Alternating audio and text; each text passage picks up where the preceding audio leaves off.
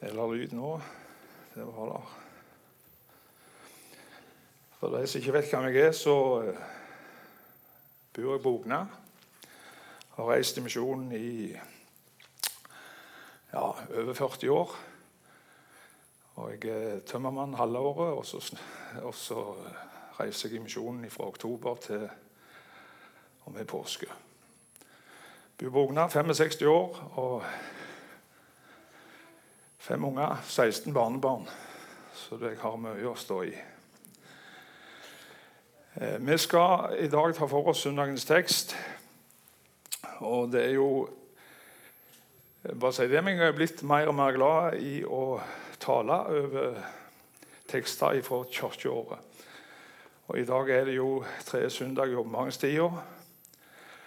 Og tanken den, om den tida der det er at tekstene skal forklare oss hvem, hvem Jesus er. Vi har nettopp hatt jul, og så er det eh, den tredje søndag nå i åpenbaringstid. Åpenbarer for oss er tanken Jesu herlighet.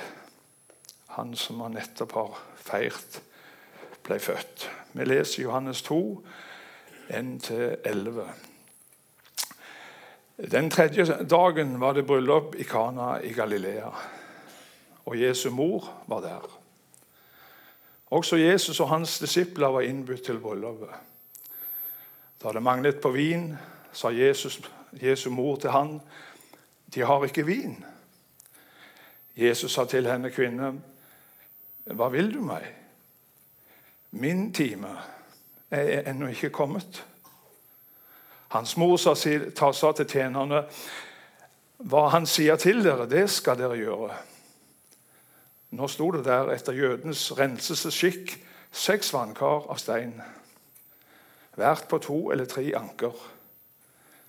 Jesus sa til dem, 'Fyll karene med vann.' Og de fylte dem til randen. Så sa han til dem, 'Øs nå opp og bær det til kjøkkenmesteren.' Og de bar det til ham. Kjøkkenmesteren smakte på vannet som var blitt til vin. Han visste ikke hvor det kom fra. Men tjenerne visste det. De som hadde øst opp vannet. Kjøkkenmesteren kalte da på brudgommen og sa til ham hver mann setter først den gode vinen fram, og når de er blitt drukne, da den ringere.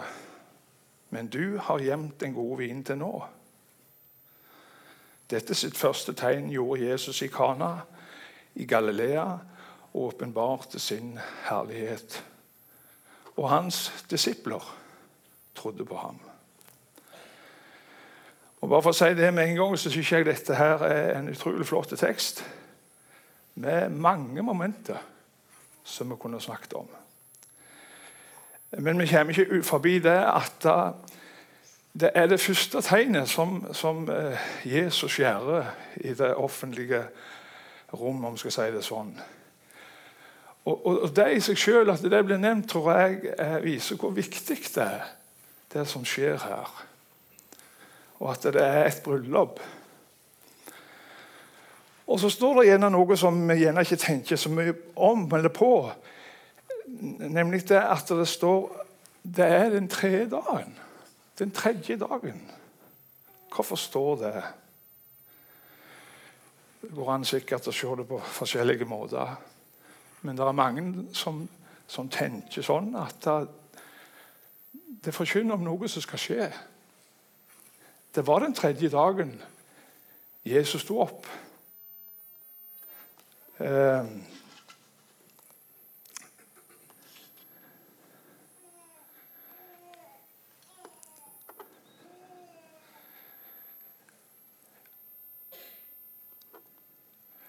Og jeg tenker at det er flere ting som på en måte blir sagt på en indirekte måte i vår tekst. Jesus sier bl.a. til sin mor Min time er ennå ikke kommet. Så Jesus sjøl peker fram mot det som skal skje ved hans død oppstandelse. Altså den tredje dagen. Og så er det for det andre eh, med, som sagt, i et bryllup der to mennesker, en kvinne og en mann, lover truskap til døden, sjel er lag. Et ekteskap som er for en mann og en kvinne, brud og brudgom.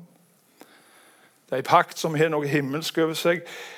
Og det er få ting som rører meg sånn som det å være i et kirkerom og se at døra går opp, og det kommer inn ei hvit brud. Jeg blir skikkelig rørt hver gang. Og Ei brud blir forenet med sin brudgom. Og så vet du like godt som meg at, at Jesus blir kalt for brudgommen. Han som er i dette bryllupet, han har blitt kalt for brudgommen i Bibelen. Og så er vi som tror på han, er bruden. Bryllup, altså.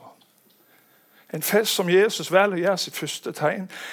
En fest som han også bruker når han skal forkynne for folk. i sin forkynnelse. Han sier bl.a. i Matteus 22 at him himmelens rike Altså et bryllup sånn som er i, denne, i dag i Kana.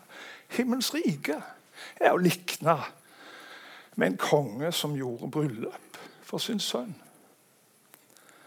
Og så står det når kongen kom, kongen kom for å se til gjestene, så så han der en mann som ikke hadde bryllupsklær på.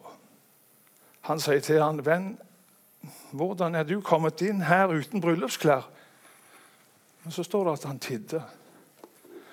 Da sa kongen til tjenerne, 'Bind hender og føtter på ham og kast ham ut i mørket utenfor.' Der skal de gråte og skjære tennene, for mange er kaldt, men få utvalgt. Og Som i det jordiske bryllupet, også her i Kanan, så var det noen som hadde fått en innbydelse til å komme til akkurat dette bryllupet. Det hadde mor til Jesus og Maria. Det hadde Jesus og disiplene fått. De hadde fått en innbydelse. Og skal du i bryllup, så kler du deg deretter. Du kommer ikke i fjosklær. Nei, du blir kledd for et bryllup, ikke sant? Innbydelsen hadde gått ut altså til noen gjester i dette bryllupet i Kana. Eh, og Det hadde de også fått i denne kongesønns bryllup. Eh, for det står om, om altså noen innbytte. Og, og De aller fleste hadde bryllupsklærne på, men det var en som ikke hadde.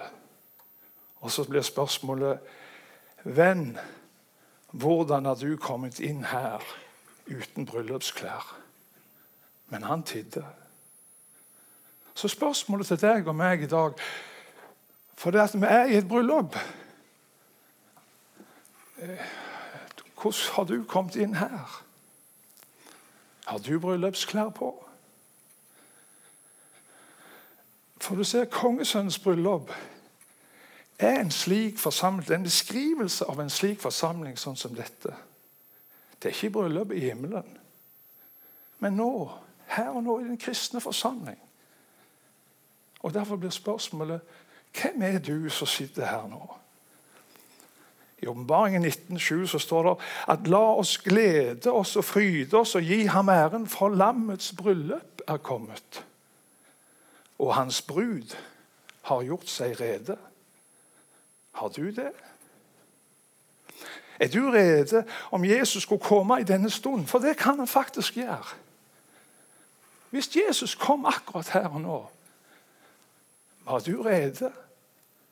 Har du bryllupsklær? Får du være med om Jesus kommer nå? Ja, men sier du Det står jo ingenting om, om bryllupsklær i teksten. Du, går, du, du, du, har ikke lest skikkelig, tenker du gjerne. Nei, en er ikke med første øyekast. Men se hva som står i vers 11. Dette sitt første tegn gjorde Jesus i Kana i Galilea. Og åpenbarte sin herlighet. Og hans disipler trodde på ham. Hvorfor står det? Hva er Jesus sin herlighet?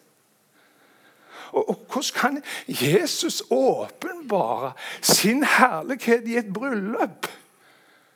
Og, og så gjøre vann til vin? Eller skal vi bare forstå det sånn at dette her er et under som, som han bare viser sin allmakt, og, og, at det ikke har noe dypere mening, og at Jesus bare viser sitt sinnelag, som, som altså bryr seg om andre som er i en fortvilet situasjon, i dette tilfellet en bryllupsvert. Jeg vet ikke hva du tror. Jeg slo opp i ei bok jeg har, og der sto det om under. Når Jesus utførte et under, skulle det samtidig være et tegn som viste hvem han var, og hva slags budskap han hadde. Og De som har sett opp denne teksten i kirkeåret, på den tredje søndag i åpenbaringstida, de tenkte nettopp på det. At denne teksten skal åpenbare for deg og meg hvem Jesus er. Og Når du leser i kapittel 1 i vers, og vers 14 i Johannes evang, så står det rett ut om Jesu herlighet. For ordet ble kjød og tok bolig iblant oss, og vi så hans herlighet. En herlighet som den en enbåren sønn har fra sin far. Ja, hva er det slags herlighet? Jo, full av nåde og sannhet. Full av nåde og sannhet. Og hva betyr det? Jo, en herlighet som den en enbåren sønn har fra sin far. Hva er det? Jo, han kom, og så skulle han lage en kledning for deg og meg. En bryllupskledning som passer for deg. Og den er fullkommen. Og den er ren, ulastelig. Det er hans herlighet. Den skjuler alt. Alt som måtte være i livet ditt. Av vonde ting. Jesus skjuler det. For mitt liv det er skjult med Kristus i Gud. Det er det som er Guds herlighet, som han har åpenbart i, i sin tid, når han kom til vår jord. Derfor skriver en sanger en kledning jeg fikk av min frelser, mann kjær. I blodet hans rensa den er. Den høver for himmelen. Der gullgater er, den, den høver for vandringer her. Den herlighet som Jesus åpenbarer her i bryllupet, vil jeg si på en måte er nokså skjult. Ja, han er det. Men når du går inn i det, så ser du at det der, der ligger noe bak som du må grunne på.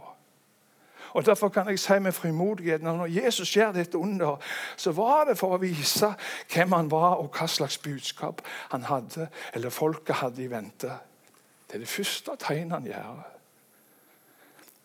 Og det er ikke et tilfeldig valg. En fest vi blir innbudt til og får utlevert bryllupsklær. For det gjorde de på den tida. Der brud og brudgom ble forena og ble ett. Jesus er i bryllup blant et folk med lang forkynnertradisjon. Og de så på seg sjøl som verter og kjøgemestere for Guds rike. De trodde fullt og fast de hadde Abraham til far, og at alt var i orden. Og hadde de sitt oppdrag å føre sine sønner og døtre til samfunn med Gud. Men sannheten var jo at de som var satt til å være lærere for folket, var blinde veiledere. De hadde gått tomme for vin, ser du. Og de visste ikke hvor vinen kom ifra. De forsto ikke i bryllupet heller. Ingenting. Og likevel heller når det var åndelige spørsmål det var snakk om. Jeg tror derfor at Jesus benytter seg av situasjonen som oppstår. Maria visste hvem han var. Og Det kan se ut som at hun venta på at, at, han skulle tre fram offentlig. Og Her i bryllupet er det så på en måte du, du trykker på, framskynder altså. Men Jesus sier, 'Kvinne, hva, hva vil du meg?' Min time er ikke kommet. Altså I motsetning til Maria så, så heller Jesus på en måte igjen. Hvorfor? Jo, for han er det Golgata som er målet. Han skulle li og dø i den timen og det sted som Gud hadde fastsatt ifra evighet av. Og på den tredje dagen så skulle han stå opp. Da var det fullbrakt. Bryllupsklærne var gjort i stand. Og de er i stand for deg her og nå. Derfor tenker jeg at budskapet som ligger unna i denne hendelsen, er åpenbar, men likevel kamuflert. Og Jeg tror altså at Jesus forkynner for jødene med dette underet noe voldsomt sentralt som de fleste ikke forsto, verken når de var i bryllup eller likevel. Men på tross av det så setter det noen skiller i bryllupet i Kana og hvilken helst som helst forsamling der det blir forkynt Guds ord. Derfor står det at disiplene trodde på ham. Disiplene trodde på ham. Budskapet er radikalt i en sånn setting. Likevel er det bare noen få som så det. Og de fleste merka jo ingenting. Og igjen sannheten er at verten og kjøkkenmesteren for Guds rike, altså jødene, hadde gått tomme for vin. Men nå er Jesus kommet med noe nytt som bryter med det etablerte. Det er han som, som kommer med det beste, det som heller mål for Gud. Det er der Jesus kommer. Jesus venter med den gode vin i dobbel forstand. Rammen for tegnet er for meg profetisk. Det er en fest der brud og brudgom blir forena. Han åpenbarer sin herlighet.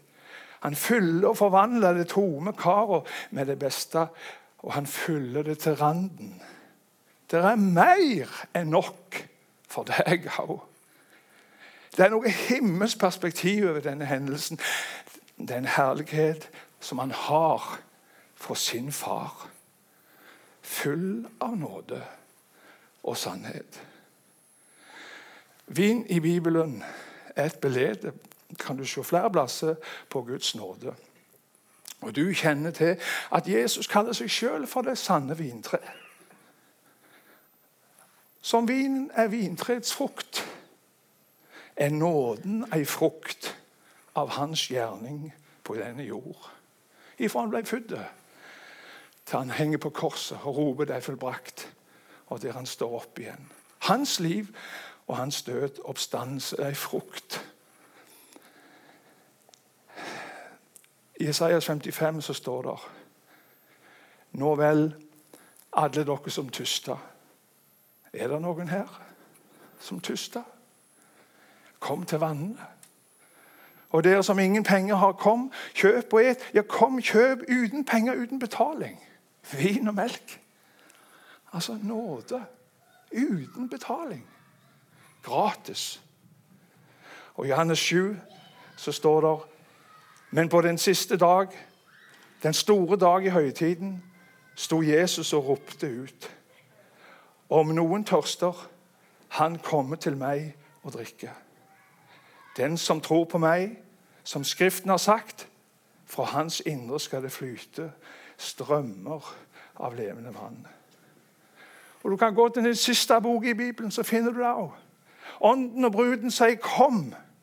Og den som hører det, la ham si 'kom'. Og den som tyster, han får komme.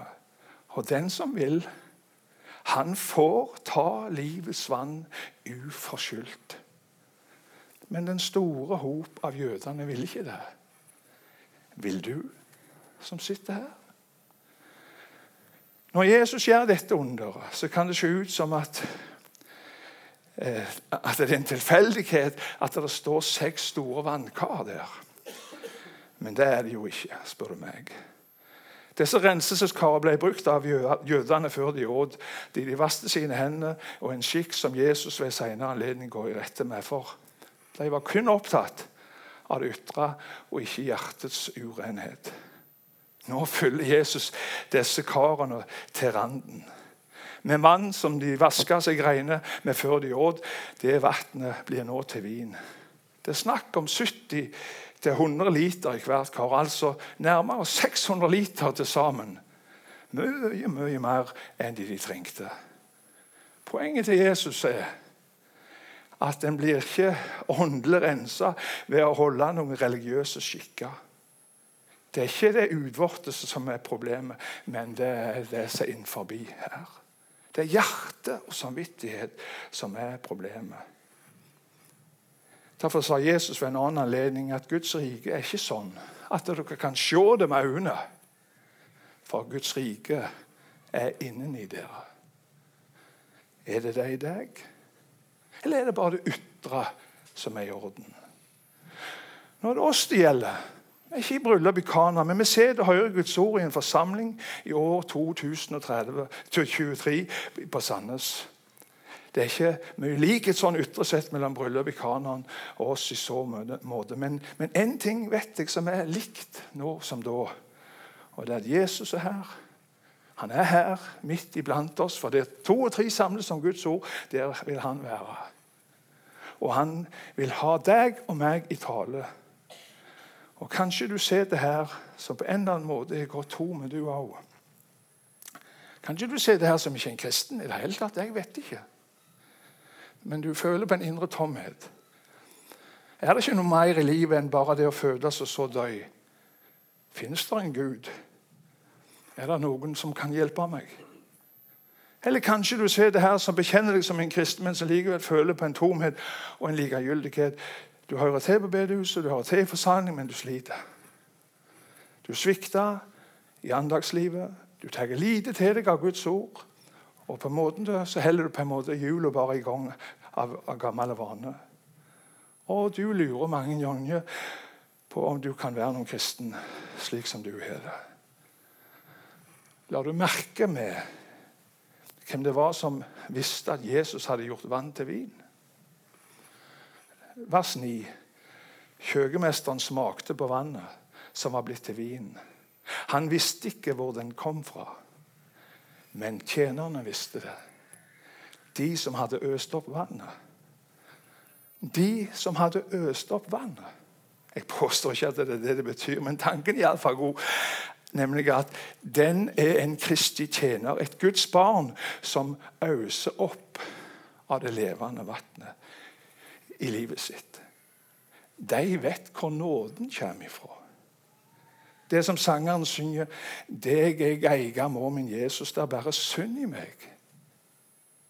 Hvem var det som holdt seg nær til Jesus? Toller og syndere, vet du. De friske trenger ikke til lege, sa Jesus, men det er de som har det vondt. Det er de som øser opp altså, av denne kjella som Gud har plassert inn i vår historie. Syndens forlatelse. Jesus kalles synderes venn. Derfor kom nå til han hen.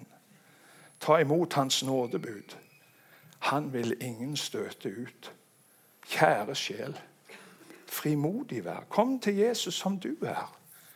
Han deg renser i sitt blod, som for deg kan han flytelot. Ja, syng det om og om igjen. Jesus elsker synderen. Bring det budskap til dem hen.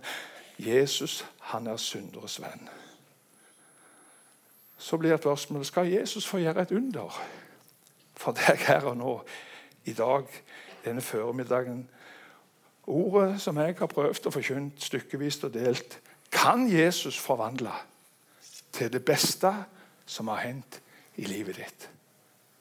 Det har jeg sjøl erfart. For det holder, det Jesus har gjort.